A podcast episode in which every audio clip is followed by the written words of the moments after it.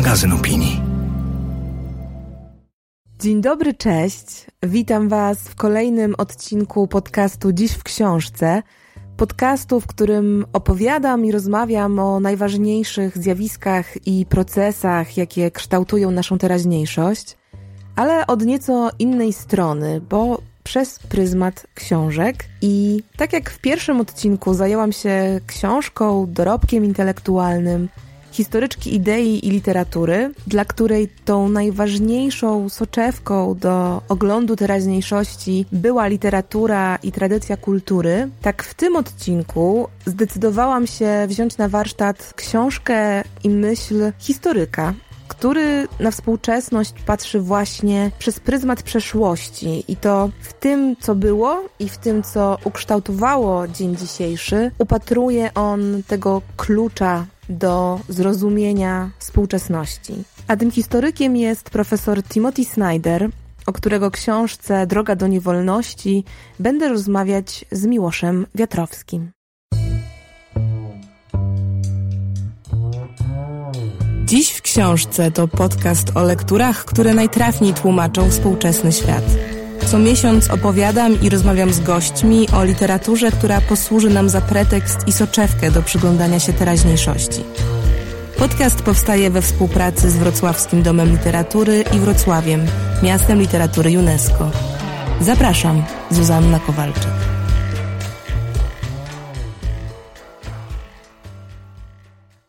Taka perspektywa historyczna, która przede wszystkim uwzględnia źródła różnych zjawisk, wydaje mi się szczególnie ważna właśnie dzisiaj. To znaczy w momencie, w którym no już niemal całkowicie, albo przynajmniej w większości, wyczerpało się to optymistyczne przekonanie, jakim karmiono się na przełomie XX i XXI wieku, a które chyba najbardziej wprost wyraził Francis Fukuyama w książce Koniec historii, Przekonanie, że oto ludzkość wraz z wynalezieniem i ugruntowaniem demokracji liberalnej dotarła do punktu w dziejach, w którym wszelkie totalitaryzmy stracą raz na zawsze swoją wiarygodność, swoje poparcie społeczne.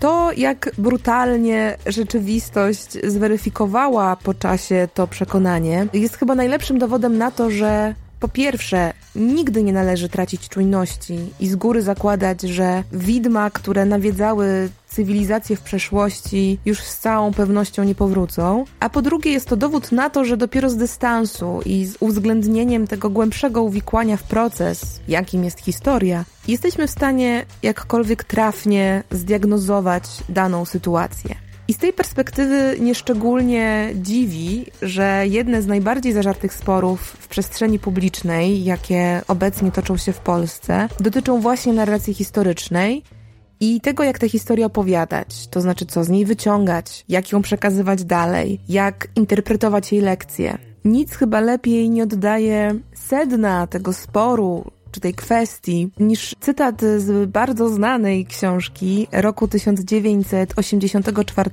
George'a Orwella.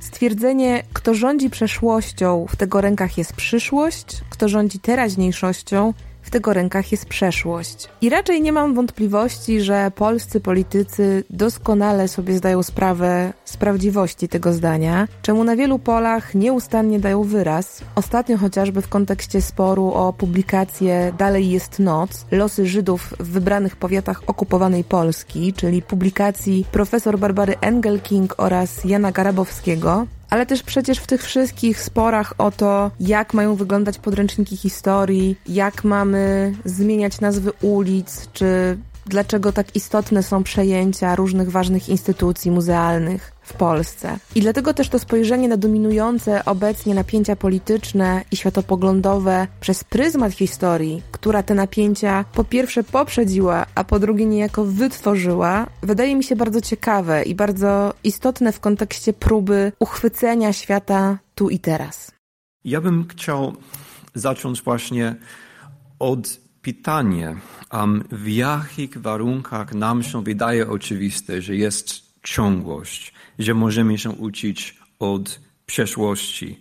Bo mi się wydaje, że akurat w tej chwili, akurat w tej chwili w Europie, tak jak w Stanach, że właśnie o to walczymy, może, może, może nieświadomie, ale że właśnie o to walczymy, o czas, o poczucie czasu, o poczucie, że jest, że jest jakiś sens w czasie, że jest ciągłość, że, że można się uczyć. To był fragment wykładu bohatera tego odcinka, profesora Timothy'ego Snydera. Wykład zatytułowany Historia zagłady i przyszłość Europy, który znajdziecie na kanale YouTube'owym Muzeum Polin. A wybrałam ten fragment jako taki punkt wyjścia do refleksji o tych dzisiejszych napięciach i o znaczeniu czy też roli historii w przebiegu tych napięć, bo Snyder bardzo jednoznacznie wskazuje w tej wypowiedzi na to, że jesteśmy w takim szczególnym momencie, w którym ta refleksja jest nam niezbędna, jeśli mamy nie popaść w taką spiralę historii, spiralę odtwarzania popełnionych już błędów, a więc poniekąd najbardziej dramatycznych zdarzeń XX wieku. Ten moment jest też jakoś szczególny w tym sensie, że od początku XXI wieku chyba jeszcze nigdy tak żywo szeroko i licznie jak dziś nie mówiono o zmierzchu demokracji, o wyczerpaniu się doktryny liberalnej, o zagrożeniu autorytaryzmem, populizmem, rozpadem Unii Europejskiej, o tym jak bardzo rozczarował nas kapitalizm, a zatem o konieczności pomyślenia systemu od nowa. I te rozmaite obawy o kondycję demokracji i społeczeństw w tym wolnorynkowym, liberalnym układzie stale rosną. Głównie dlatego, że konsekwencjami tego neoliberalnego nastawienia na organizację państwa okazał się wzrost nierówności, bardziej zaogniona polaryzacja polityczna. Obok tego mamy globalny wzrost znaczenia przedsiębiorstw cyfrowych, które zaczynają dyktować warunki demokracjom i które również są wykwitem wolnego rynku w tym bardzo radykalnym wymiarze. Mamy kryzys ekologiczny, który obnażył, jak bardzo mit wiecznego postępu, który był przecież podwaliną kapitalizmu, jest szkodliwy i niemożliwy do udźwignięcia. No w skrócie mamy dość wyraźną kompromitację pewnych założeń z początku wieku i stoimy przed koniecznością skonfrontowania się z problemami, które te założenia wytworzyły. W efekcie ta równowaga, która miała nadejść wraz z liberalizmem, coraz bardziej zamienia się w takie rozpędzone wahadło, które właśnie waha się od progresywnych, lewicowych postulatów zmiany demokracji liberalnej w model bardziej opiekuńczy do poparcia dla partii konserwatywnych, nierzadko nacjonalistycznych, które opowiadają się po stronie przede wszystkim starego porządku, który w tej opowieści ma być odpowiedzią na poczucie zagubienia w równie dynamicznie zmieniającym się świecie jak ten dzisiejszy. I to to poczucie zagubienia wiele grup kieruje właśnie ku uznaniu i chęci powrotu do jakiegoś starego porządku, który z tej perspektywy miałby zapewnić nam większą stabilność i większe bezpieczeństwo. Dla tych grup postulaty progresywne są nierzadko przerażające właśnie dlatego, że opowiadają o świecie w tak nowy, obcy sposób, że wzbudza to w niektórych niepokój, strach, w skrajnych przypadkach agresję, i nawet te sympatie, nazwijmy je liberalno-konserwatywne, w dużej mierze biorą się właśnie z upadku autorytetu państwa i coraz mniejszego zaufania do struktur. No i właśnie, to tu, w odpowiedzi na te wszystkie lęki, cały na biało wchodzi dziś coraz agresywniej, rozpychając się łokciami, autorytaryzm. I o tym właśnie, to znaczy o odradzaniu się autorytaryzmów i nacjonalizmów, o pochodzie populizmu, o rosnących napięciach, źródłach tego stanu rzeczy i potencjalnych zagrożeniach, jakie z tego wynikają, czego nauczyła nas historia, pisze w swojej ostatniej książce zatytułowanej Droga do niewolności Rosja, Europa, Ameryka wybitny historyk, profesor Timothy Snyder, o którym i o której to książce chcę Wam dziś trochę opowiedzieć.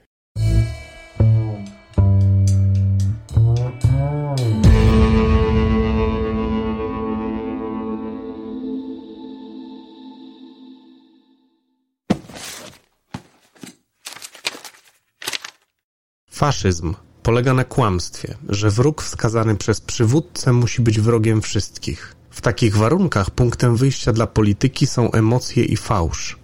Pokój staje się nie do pomyślenia, gdyż wrogość zagranicy jest niezbędna do utrzymania kontroli nad krajem. Faszysta mówi naród, mając na myśli tylko pewne grupy, które w danej chwili faworyzuje. Timothy Snyder, Droga do niewolności w tłumaczeniu Bartłomieja Pietrzyka. Timothy Snyder to jeden z najbardziej znanych i wybitnych współczesnych historyków.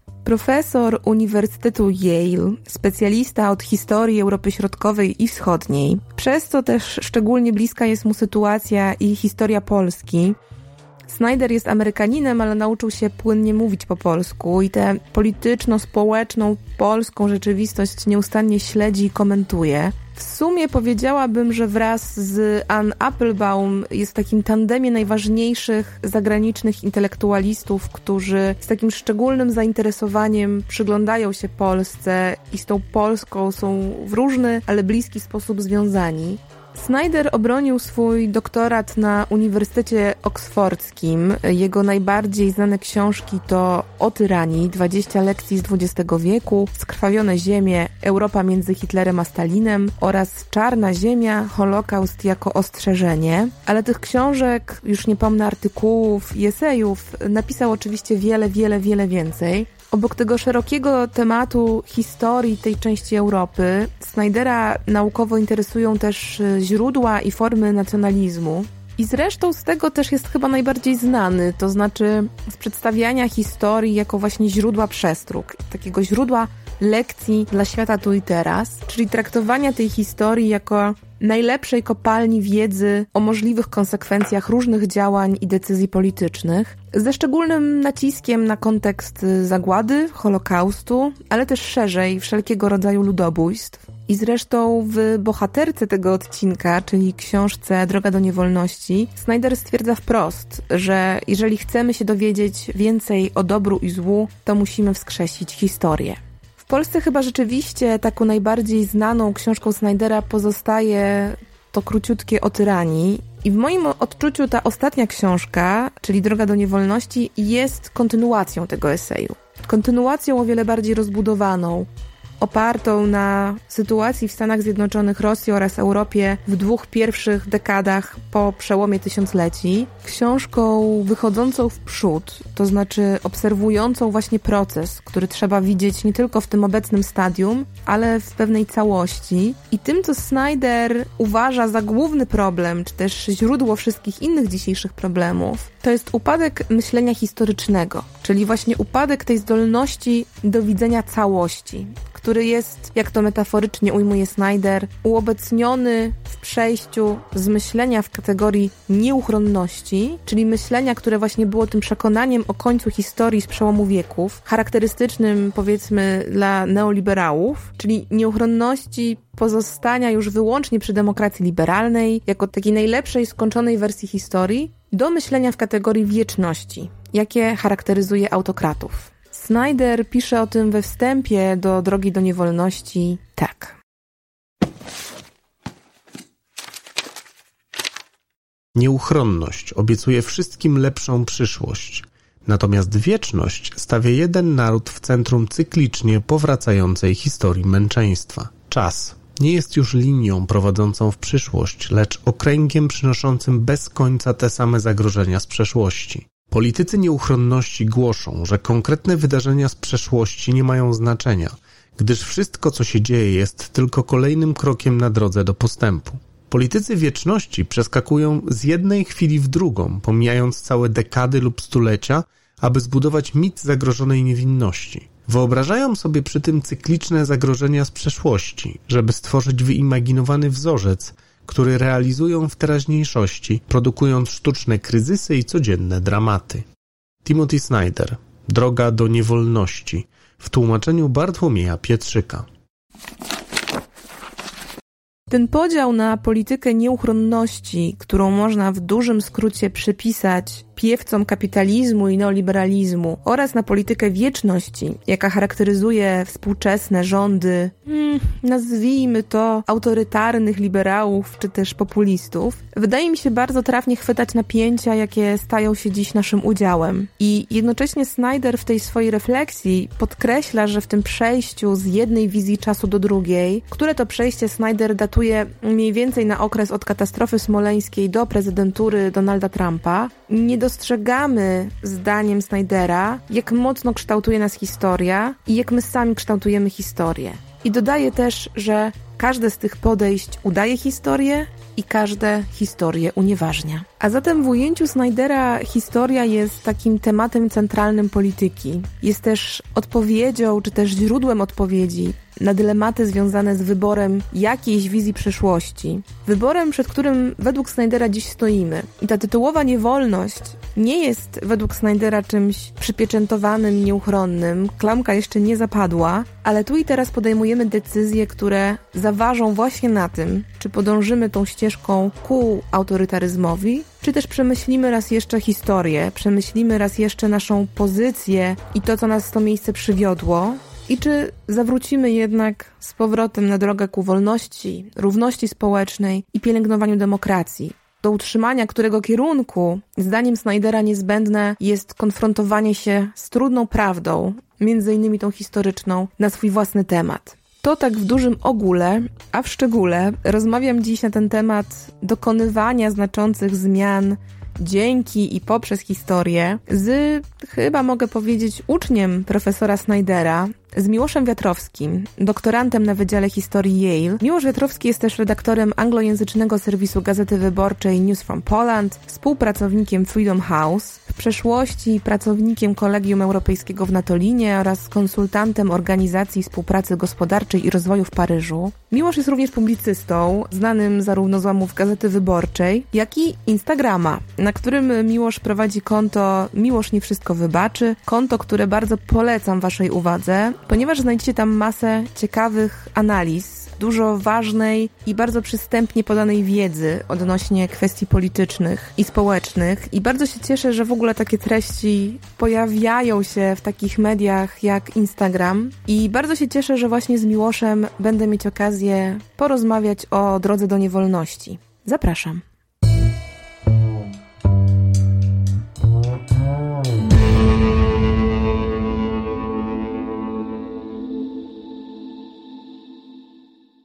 Chciałabym Cię poprosić, abyś powiedział kilka słów o swoim osobistym powiązaniu z profesorem Snyderem, który będzie dziś, powiedzmy, jego tak samo zwańczo ochrzczę patronem tej rozmowy. I żebyś też powiedział kilka słów o swojej pracy naukowej, która myślę, że z tym tematem, o którym będziemy dziś rozmawiać, się ciekawy sposób łączy. Jasne, ja w pierwszej kolejności chciałbym Ci podziękować za zaproszenie do tego odcinka. Jestem, bardzo się cieszę, że mogę o tej książce porozmawiać. Uważam, że dla mnie przynajmniej była to jedna z ciekawszych i ważniejszych książek o tej tematyce właśnie pewnego rodzaju pełzającego autorytaryzmu, ale też właśnie szerzej odchodzenia od odpowiedzialności politycznej, od myślenia o polityce jako takiej w stronę wartości, o których będziemy mówić w czasie tego podcastu, więc, więc bardzo się cieszę, że, że tą książkę omawiamy.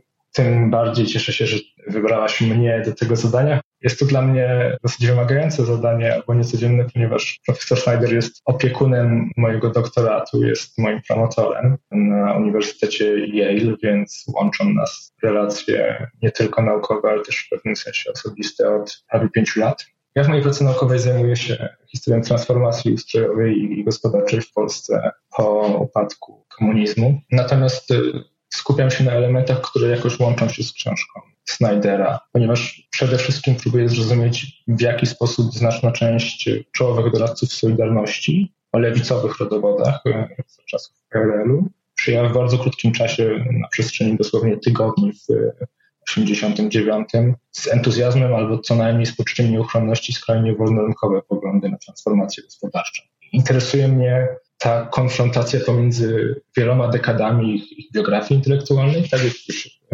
rozwoju, czy rozwoju samoświadomości, czy ich właśnie poglądów na przestrzeni dekad, wielu lat, a, a momentem takiego przyspieszenia historycznego, w którym oni znajdują się w sytuacji, w której nigdy nie spodziewali się, że się znajdą, muszą podejmować polityczne wybory w bardzo szybkim tempie, choć nigdy nie spodziewali się, że takie polityczne wybory będą dla nich dostępne. I dochodzi właśnie do tej konfrontacji między jakimiś tam mocno ugruntowanymi poglądami ludzi, którzy byli intelektualistami, dysydentami, nie mieli bezpośredniego wpływu na politykę państwa, a dochodzi do pewnego przekształcenia właśnie z tej roli obserwatorów do, do decydentów i próby zdefiniowania tego, co w takim razie robimy jako politycy, już a nie jako intelektualiści. I wydaje mi się, że tutaj w moich rozważaniach bardzo przydatne okazują się koncepcje, których Snyder użył w drodze do niewolności ponieważ to, co widzę w moich badaniach, to, że wszyscy ci aktorzy, Michnik, Mazowiecki, Kuroń, byli mocno przekonani, że znajdowali się, czy że Polska znajduje się na rozstaju dróg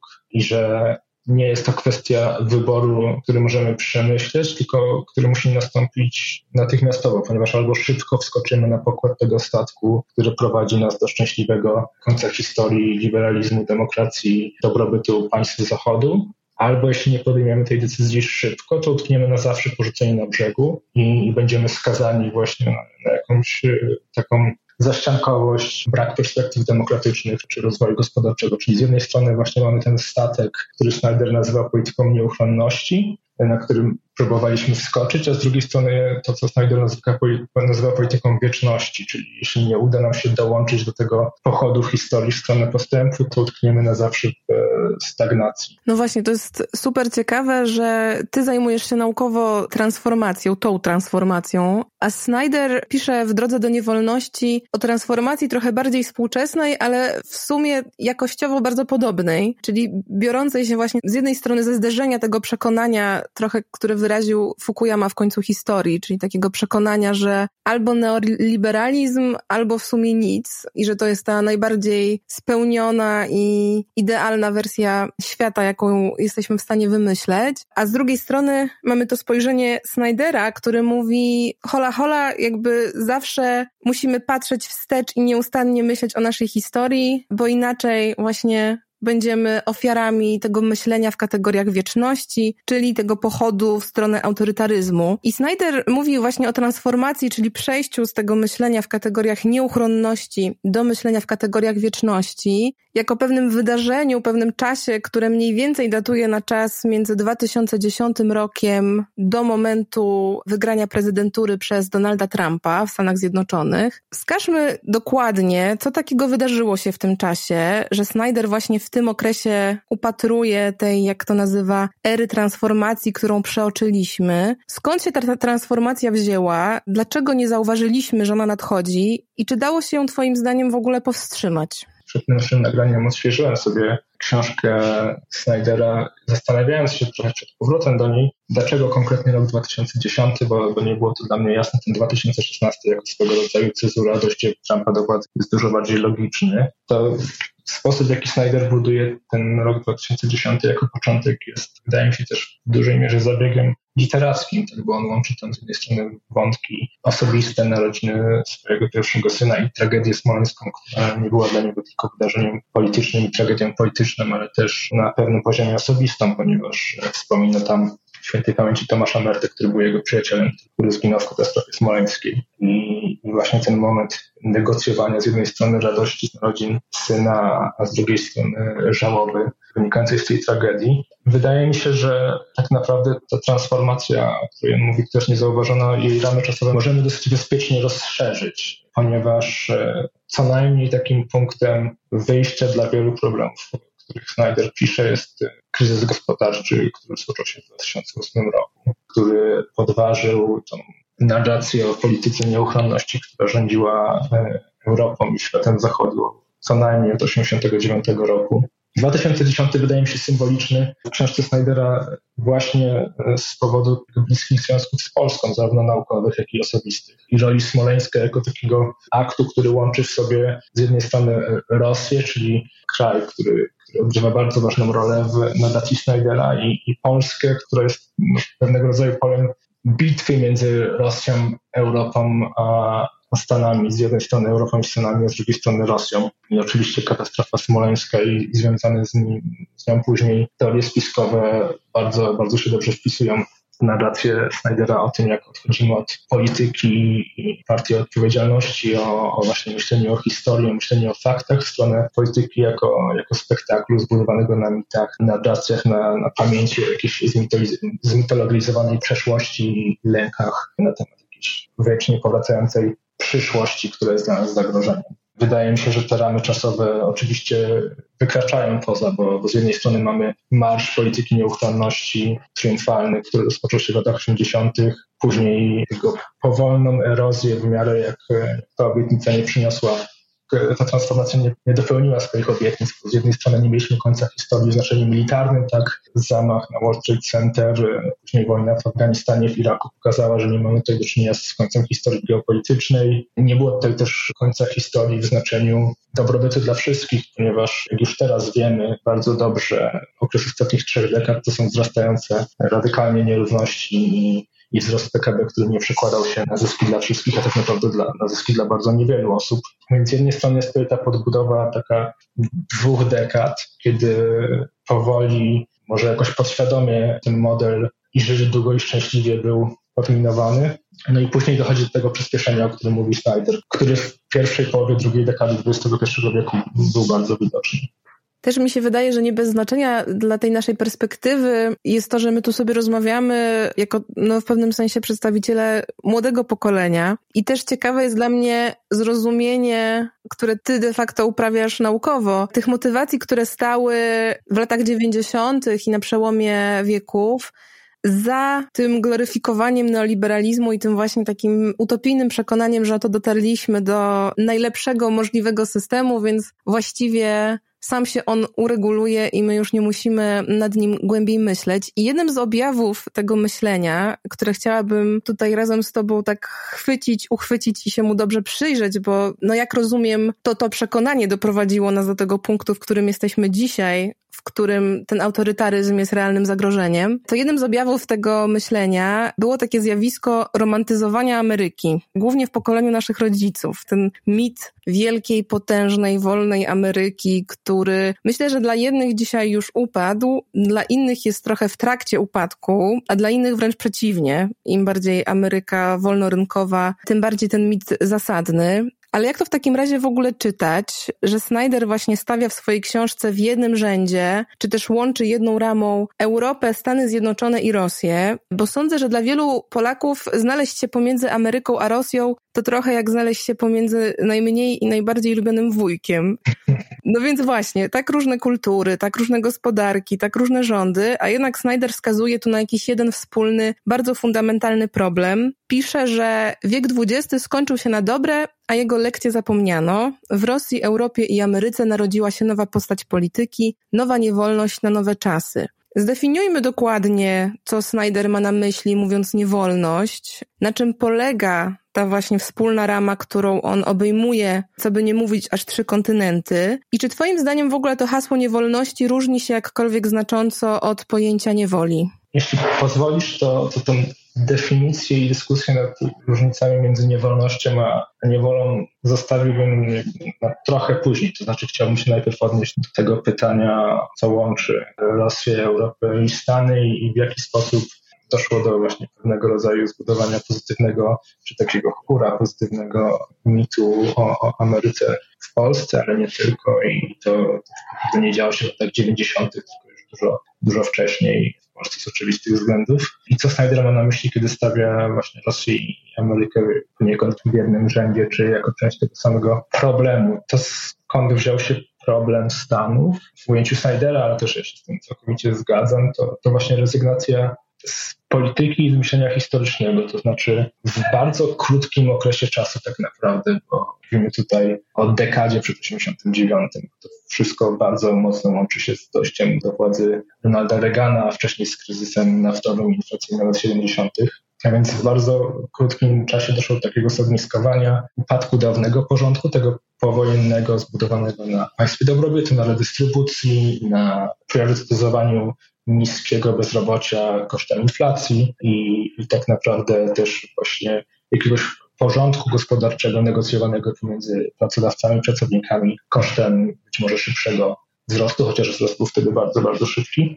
Kryzys poniekąd zewnętrzny, czyli kryzys naftowy lat 70. doprowadził do implozji tego systemu, do władzy doszedł Reagan i właściwie w ciągu dekady jego poglądy te skrajnie jednoznakowe przeszły od bycia marginesem, który, który był postrzegany właśnie tak, jak powiedzmy w Polsce w tej chwili postrzegane są poglądy gospodarcze Konfederacji, w tym jej najbardziej radykalnym odłamie, do czegoś, co stało się jakby swego rodzaju konsensusem, czy wyznaniem wiary, czy podstawowymi, fundamentalnymi zasadami ekonomii, tak jak ekonomia istniała od zawsze. Nagle stwierdziliśmy, że nie ma alternatywy, jak mówiła Thatcher, że inaczej się nie da, że rynki są zawsze dobre, nawet jeśli nie są dobre, to i tak są lepsze niż państwo, więc trzeba zostawić rynkom pole do popisu i, i wtedy one przyniosą dobrobyt, przyniosą demokrację, przyniosą równość i, nie musimy się właściwie nad niczym zastanawiać. Polityka nie jest już miejscem konfliktu interesów, ponieważ wszyscy mamy interes w tym, żeby rynki były jak naj, najbardziej uwolnione od działu państwa, wszyscy na tym korzystamy. Więc myślę, że, że tu jest grzech pierworodny tego amerykańskiego modelu, ponieważ jak to opisuje Snyder, to co brak ingerencji jakikolwiek e, w rynek, pozostawienie ich samym sobie, to co on spowodował, to radykalne nierówności, które nie sprzyjają ani demokracji, ani postrzeganiu rzeczywistości, czy postrzeganiu faktów, ponieważ, tak jak pisze Schneider, te nierówności stają się tak trudne do wytrzymania, że osoby, które nie są beneficjentami tego systemu, osoby, które sobie nie radzą, nie są w stanie się skonfrontować z faktami, z tą rzeczywistością i, uciekają, są bardzo otwarte na, na różnego rodzaju micie, opowieści o, o wrogach zewnętrznych, o tym, co im grozi i, i skąd bierze się ich niedola. Wydaje mi się, że no w Polsce z wiadomych powodów ani za czasów komunizmu, ani w latach 90. nie mieliśmy zbyt dogłębnej wiedzy na temat ani tego, jak faktycznie wygląda polityka gospodarcza Stanów, ani, ani jakie rodzi podziały, ani kto jest beneficjentem, kto nie. Mieliśmy takie dosyć wyidealizowane spojrzenie na Zachód jako całość, to znaczy też nie do końca zastanawialiśmy się nad tym, jakie są różnice w polityce gospodarczej między na przykład Niemcami a Stanami Zjednoczonymi. Bardzo wiele z tych rzeczy w ogóle przenikało do nas poprzez popkulturę. Ja mam przynajmniej takie wrażenie. I też właśnie wydaje mi się, że przez popkulturę, która była tak bardzo zdominowana przez, przez Amerykę, my przyjęliśmy amerykański sposób postrzegania świata zachodu jako punkt wyjścia, jako swego rodzaju adekwatny opis rzeczywistości, chociaż oczywiście nie do końca tak było. Tą amerykańską słabość, czyli właśnie tą rezygnację z polityki, rezygnację ze sfery właśnie polityki jako czegoś, co może naprawiać zaniedbania czy nierówności wynikające z rynku i miejsce dla demokracji jako procesu negocjowania pewnego rodzaju konfliktów społecznych. Zdaniem Schneidera wykorzysta doskonale Rosja w ostatnim rozdziale o Stanach Zjednoczonych i wyborze Trumpa. Snyder pokazuje, jak, jak bardzo właśnie nierówności zarówno gospodarcze, jak i rasowe w Stanach były wykorzystywane przez Rosjan w kampanii dezinformacyjnej, której Amerykanie się w ogóle nie spodziewali i nie brali pod uwagę, że coś tak trywialnego jak rosyjskie boty na mediach społecznościowych mogą zachwiać amerykańską demokracją, która przecież istnieje od 300 lat i jest fundamentem w ogóle myślenia o demokracji wszędzie.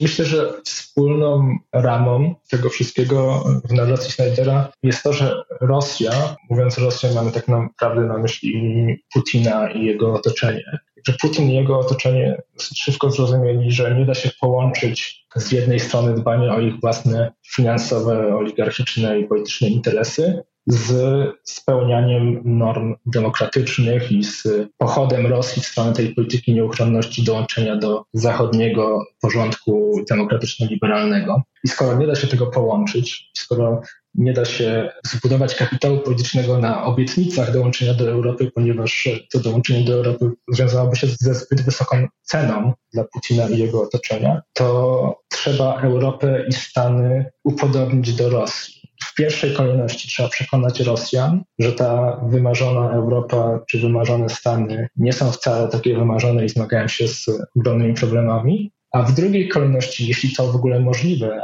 a jak twierdzi Snyder, okazało się to możliwe i w pewnym sensie dużo prostsze niż Rosjanie mogli się kiedykolwiek spodziewać, osłabić e, Europę i Stany, tak żeby to nie była już tylko pusta medialna propaganda o słabości Zachodu, ale faktyczne tworzenie rzeczywistości, w której ten Zachód jest przez Putina i jego ludzi, przez Kreml osłabiany. I Snyder pokazuje, w jaki sposób ten proces następował, w jaki sposób Rosjanie, czy właśnie przedstawiciele Kremla, wykorzystując swoje doświadczenia i rozumienie słabości Zachodu, których Zachód nie dostrzegał, pod podkopywała fundamenty naszego porządku. To powiązanie, czy też te napięcia od zimnej wojny właściwie cały czas obowiązujące pomiędzy Rosją a Stanami Zjednoczonymi są rzeczywiście główną osią dla Snydera, z której on wywodzi te swoje pojęcie tego napięcia pomiędzy tą nieuchronnością a wiecznością. I choć w tej książce mam poczucie, że to w tej Rosji jakby upatruje tego, na czym powinniśmy się przede wszystkim skoncentrować, co najbardziej potrzebujemy zrozumieć, aby jakoś uporać się z tym, w jakim punkcie się znaleźliśmy i świadomie wybrać, w którą stronę pójść dalej, to mimo wszystko zupełnie jakby kluczowe dla tego rozumienia tych napięć i tych relacji międzynarodowych u Snydera jest jednak ten moment właśnie wyboru Trumpa na prezydenta i chciałabym, żebyśmy na moment wrócili do tego Trumpa w związku z tym. Donald Trump, wybrany na prezydenta w 2016, jego prezydentura zaczęła się w 2017 roku. Książka, o której rozmawiamy, została oryginalnie opublikowana w 2018 roku. Po polsku została wydana w 2019. A zatem jakby mówimy o diagnozie, która powstała no na długo przed niedawnymi wyborami w Stanach Zjednoczonych. I dlatego chciałabym cię zapytać, jak ty czytasz w kontekście tej narracji Snydera o potencjale wybierania różnych ścieżek, na które on dzieli rozdziały w książce, czyli tego właśnie rozdroża, na którym stoimy, przegraną Trumpa w ostatnich wyborach. To znaczy, czy możemy w wygranej Joe'ego Bidena upatrywać jakiegoś odwrócenia się, czy też zmiany kierunku z tej drogi ku niewolności tytułowej? I czy Twoim zdaniem zwycięstwo demokratów jest jakimś takim game changerem w kontekście tych wszystkich zagrożeń, które opisuje Snyder? Nie wydaje mi się, że udało się udzielić jednoznacznej odpowiedzi, oczywiście. Natomiast ponieważ widzę właściwie pewne znowu dwie ścieżki, które może to pójść, tam używając kategorii Snydera, Część jest bardzo pozytywna, część niezupełnie. To znaczy, z jednej strony wydaje mi się, że wygrana, najpierw wygrana Trumpa w 2016, a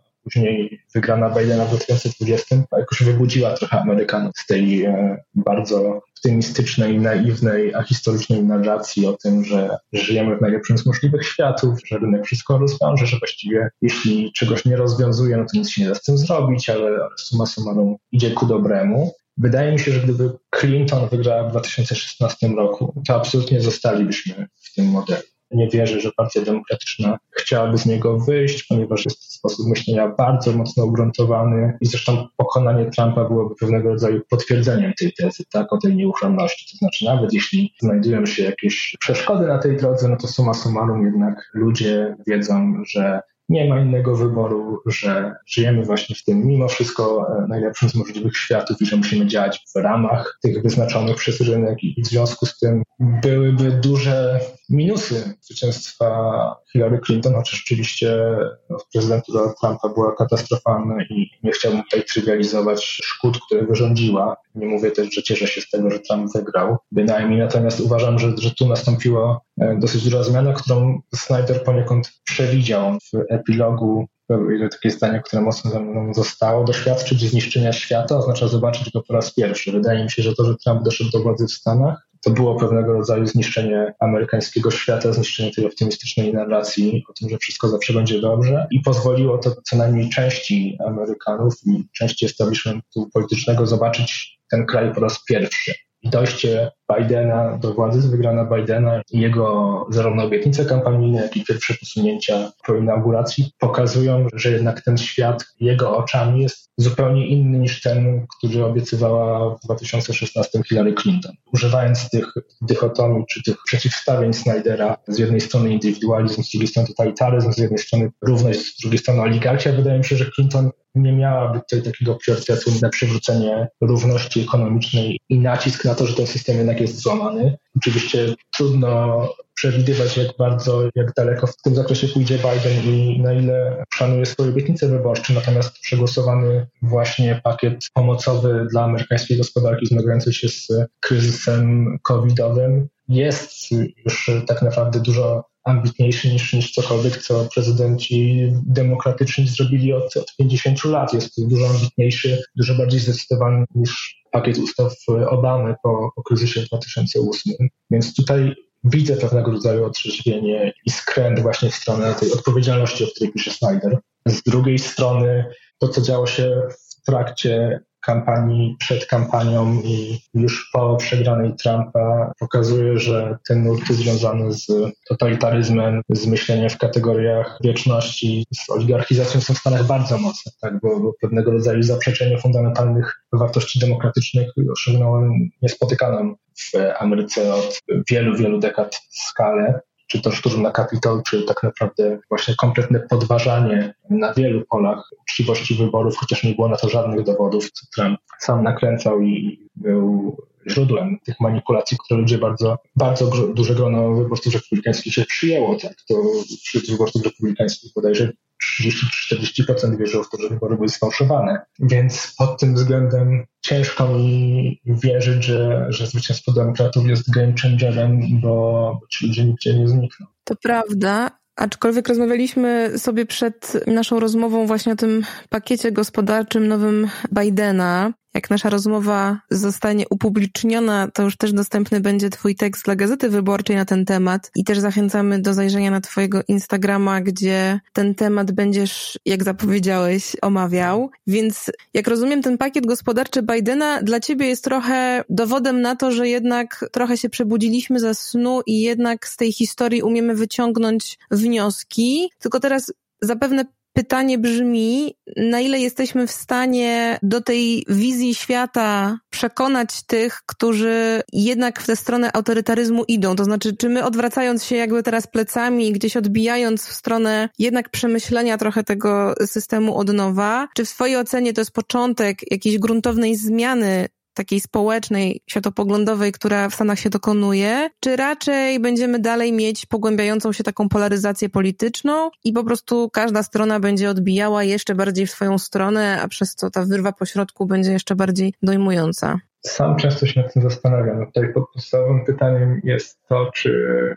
rzeczywistość materialna, czy bytowa, to znaczy to, że, że przegłosowany właśnie przez program pomocowy Bidena przynajmniej w tym roku, ale prawdopodobnie na lata bardzo pomoże bardzo, bardzo dużej części Amerykanów, którzy zmagają się z ubóstwem. W tym roku ma zmniejszyć liczbę osób e, żyjących poniżej minimum socjalnego o jedną trzecią wśród dzieci, to zmniejszenie o połowę zostają utrzymane dosyć hojnie, jak na amerykańskie warunki zasiłki dla bezrobotnych. 80% Amerykanów dostanie kolejny jednorazową zapomogę w wysokości 1400 dolarów, więc on pod bardzo, bardzo wieloma względami ten, ten program materialnie pomoże no, ogromnej części, ogromnej większości Amerykanów, również tych, jeśli nie przede wszystkim tych, którzy głosowali na Trumpa, tych, którzy tam narracją o postępie byli już zmęczeni, ponieważ jakość życia się, się tylko i wyłącznie pogarszała, co najmniej od 10 lat, często dłużej, ponieważ też e, amerykańska gospodarka rosła pomiędzy latami 80. a kryzysem z 2008 roku, to rosła w dużej mierze w oparciu o, o zadłużanie się Amerykanów, tak? To znaczy zmniejszenie państwa przez Reagan, zmniejszenie udziału państwa w gospodarce przeniosło się po prostu na, na zwiększenie roli zadłużenia prywatnych obywateli, na kart kredytowych i kredytów Więc nawet jeśli Amerykanom żyło się ok i ten wzrost gospodarczy wykazywany przez PKB wydawał się dobry, no to, to trudno nie myśleć o tym, jak ogromny stres i jak psychologicznie ciężkie musi być to, że wiemy, że tak naprawdę jest to wszystko zbudowane na naszym ciągłym zadłużaniu się. A, a potem po 2008 roku po wybuchu kryzysu gospodarczego nawet to już nie starczało i po prostu znacznie bardzo wielu Amerykanów ucierpiało. Plan Bidena im pomoże co do tego nie ma wątpliwości. To, co nie jest dla mnie oczywiste, to czy ta, ta poprawa ich jakości życia wpłynie na zmiany w myśleniu politycznym, biorąc pod uwagę, jak daleko te zmiany już zaszły, biorąc pod uwagę to, jak bardzo spolaryzowana jest w tej chwili sfera właśnie przyswajania przez nas informacji, tak? Bo jesteśmy zamknięci, ja wiem, że to jest nudne do powtarzania, ale jesteśmy niesamowicie zamknięci w bańkach informacyjnych i to zostało pokazane w bardziej radykalny sposób niż kiedykolwiek wcześniej, moim zdaniem, w trakcie tej kampanii i po tej kampanii, kiedy 40% głosujących na Trumpa uważa, że wybory były sfałszowane, chociaż nie ma żadnych dowodów. To pokazuje, że informacje, którym oni wierzą i, które uważają za wiarygodne, no nie mają nic wspólnego z rzeczywistością i są tylko i wyłącznie serwowane przez budujący alternatywną wizję świata, czy, czy,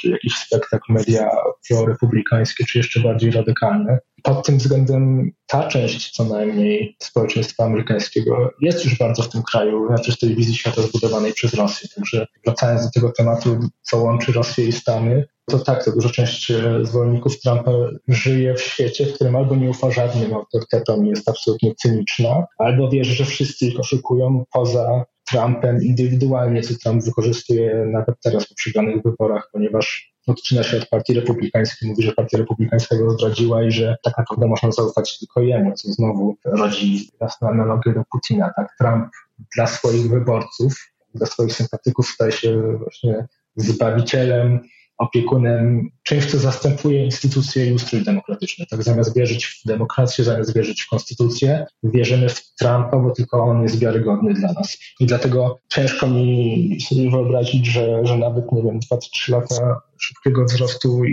i wyrównywania szans Ameryce mogłoby to zmienić. Wydaje mi się, że może to wystarczyć demokratom do wygrywania w wyborach na lata, ponieważ część tych wyborców, powiedzmy takich wahających się wesprze demokratów, co zresztą republikanie sami do tego dążą, ponieważ oni nie wsparli tego programu pomocowego i nie każdy podkreślają, że ten program pomocowy to jest tylko i wyłącznie dzieło demokratów. No w momencie, w którym ten program pomocowy zostanie oceniony pozytywnie i Amerykanom będzie żyło się lepiej, to wyborcy nie będą mieli wątpliwości, komu to zawdzięczają. Republikanom będzie się bardzo trudno pod to spotkać, więc wydaje mi się, że na poziomie odsunięcia trumpizmu od władzy, to tutaj demokraci mają szansę, natomiast na poziomie jakiejś wojny kulturowej będzie to bardzo ciężkie i, tak naprawdę no, wydarzenia ostatnich paru miesięcy raczej przesuwają nas bliżej tej negatywnej części doznania Snydera, tych wszystkich haseł, przed którymi on przestrzega, nie tymi, które on prezentuje jako alternatywy, do których powinniśmy dążyć.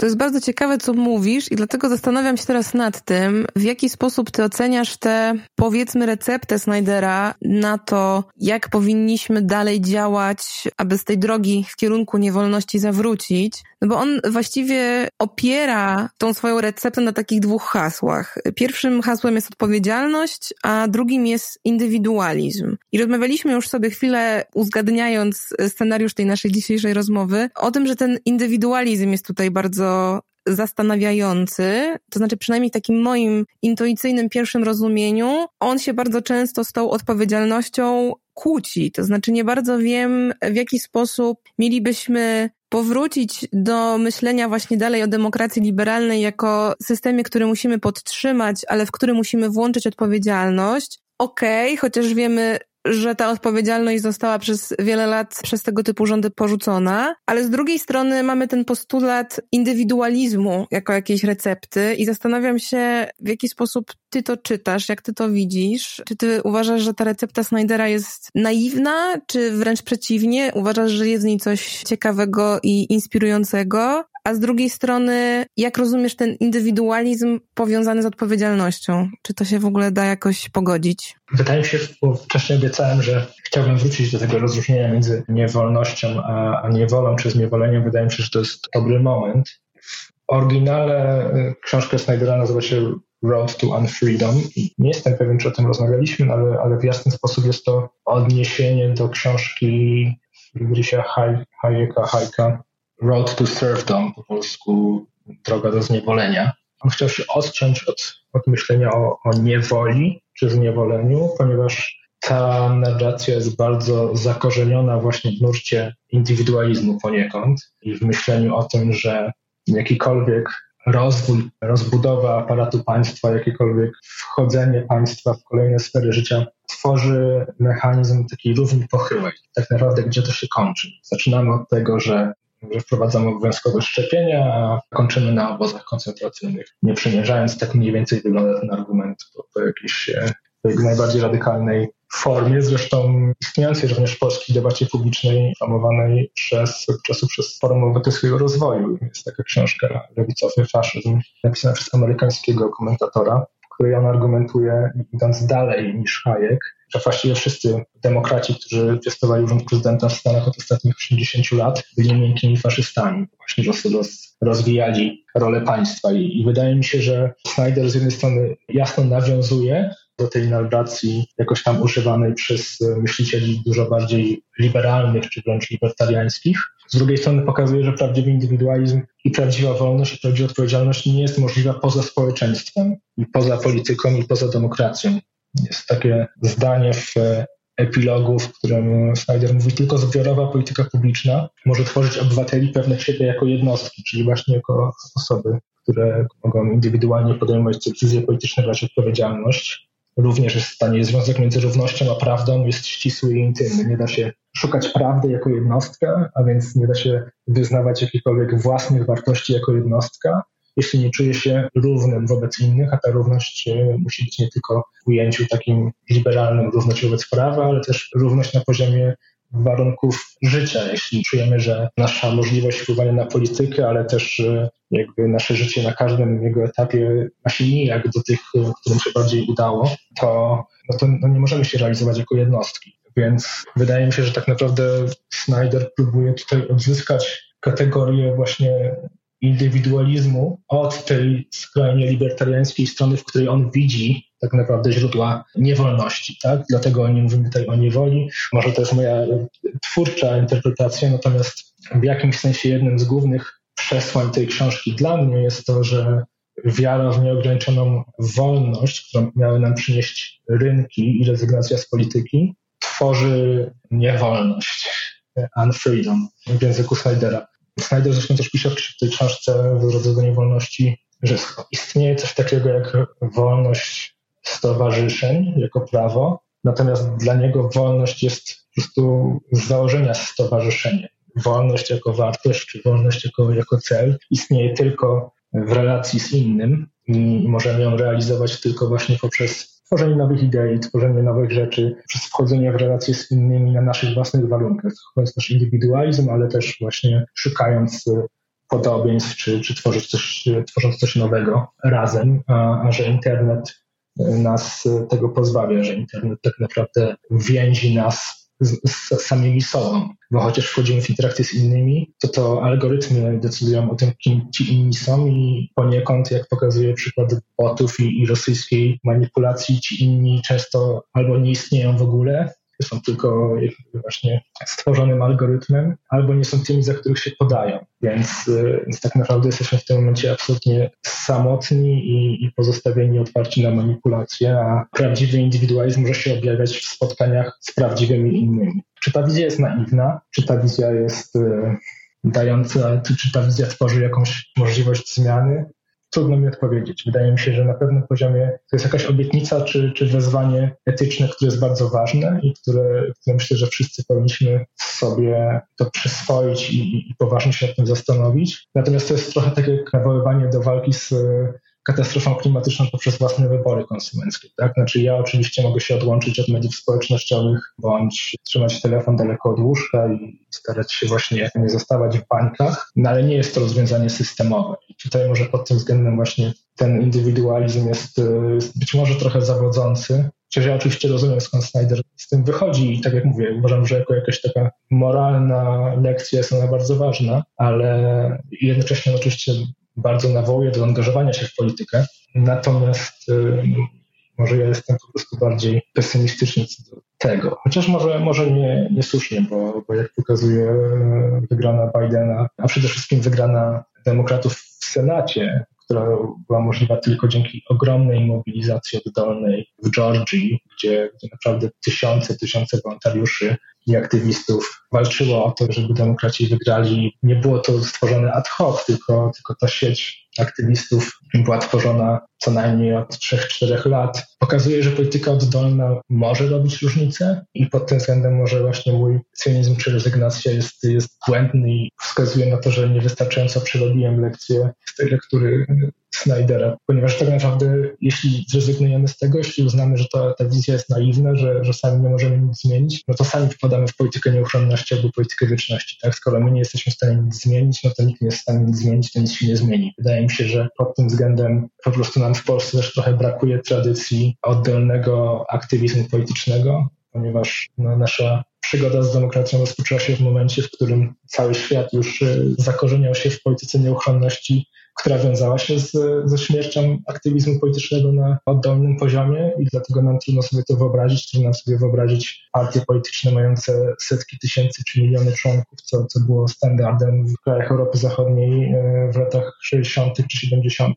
Póki nie uda nam się do tego wrócić, to faktycznie nasze, nasze szanse są marne. Wracając jeszcze do tego, co pisał Snyder, tak przy, przytoczyłem to zdanie, doświadczyć zniszczenia świata oznacza zobaczyć go po raz pierwszy. Może to właśnie się dzieje u nas. Natomiast on potem pisze, tutaj parafrazuje, że spróbować go zbudować na nowo, to jest doświadczyć go po raz drugi. I pewnie musimy jakoś przełamać ten nasz cynizm czy rezygnację i właśnie to spróbować robić. I tylko tak możemy ten świat uratować, że zakończę takim bardzo wzniosłym twierdzeniem. Ja się bardzo cieszę, bo nie kończymy zupełną beznadzieją mimo wszystko, ale kończymy jednak, przynajmniej w moim odczuciu, no taką niemałą nadzieją i jakimś takim rzeczywiście dość realnym scenariuszem tego, w jaką stronę te zmiany muszą postępować, aby miały szansę ugruntować się bardziej na stałe. Powinniśmy, teraz sobie uświadomiłem, że przecież to jest idealny moment, żeby nawiązać do strajku kobiet.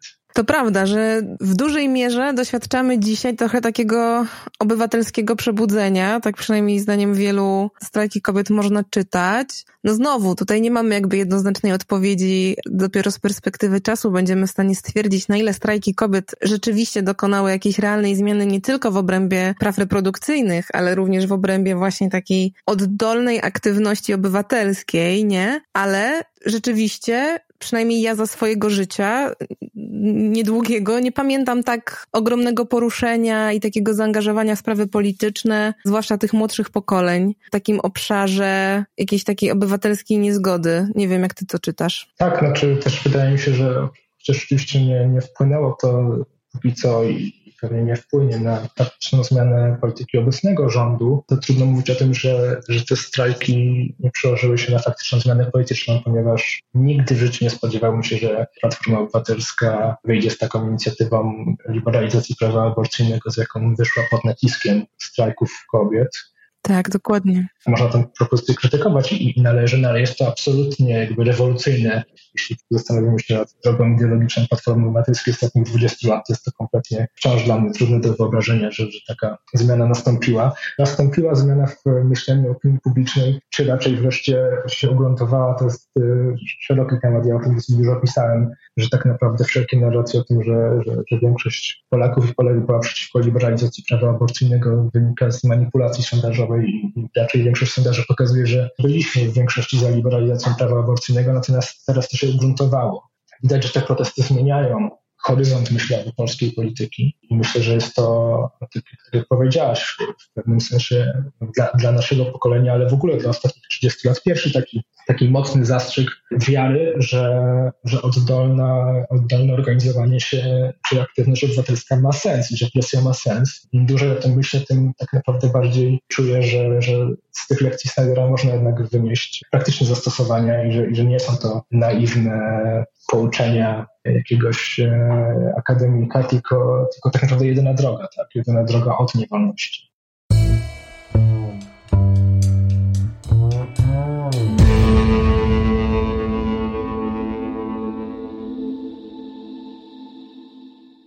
Bardzo się cieszę, że udało nam się zakończyć jednak jakimś pozytywnym akcentem, bo to jednak dość rzadkie w rozmowach o współczesnych czasach, które rzadko kiedy napawają jakimkolwiek optymizmem. Ale ponieważ świecką tradycją tego podcastu e, jest jedno stałe pytanie na koniec każdej rozmowy, to zadam je również Tobie. To znaczy, jaką inną książkę podejmującą ten sam temat albo orbitującą jakoś wokół tego tematu, albo uzupełniającą jakoś ciekawie ten temat, e, mógłbyś polecić naszym słuchaczom i słuchaczkom? Pierwszą książką, która przychodzi mi na myśl, jest reportaż Petera Pomerancewa Jądro Dziwności, wydany w Polsce przez wydawnictwo Czarne w zeszłym roku.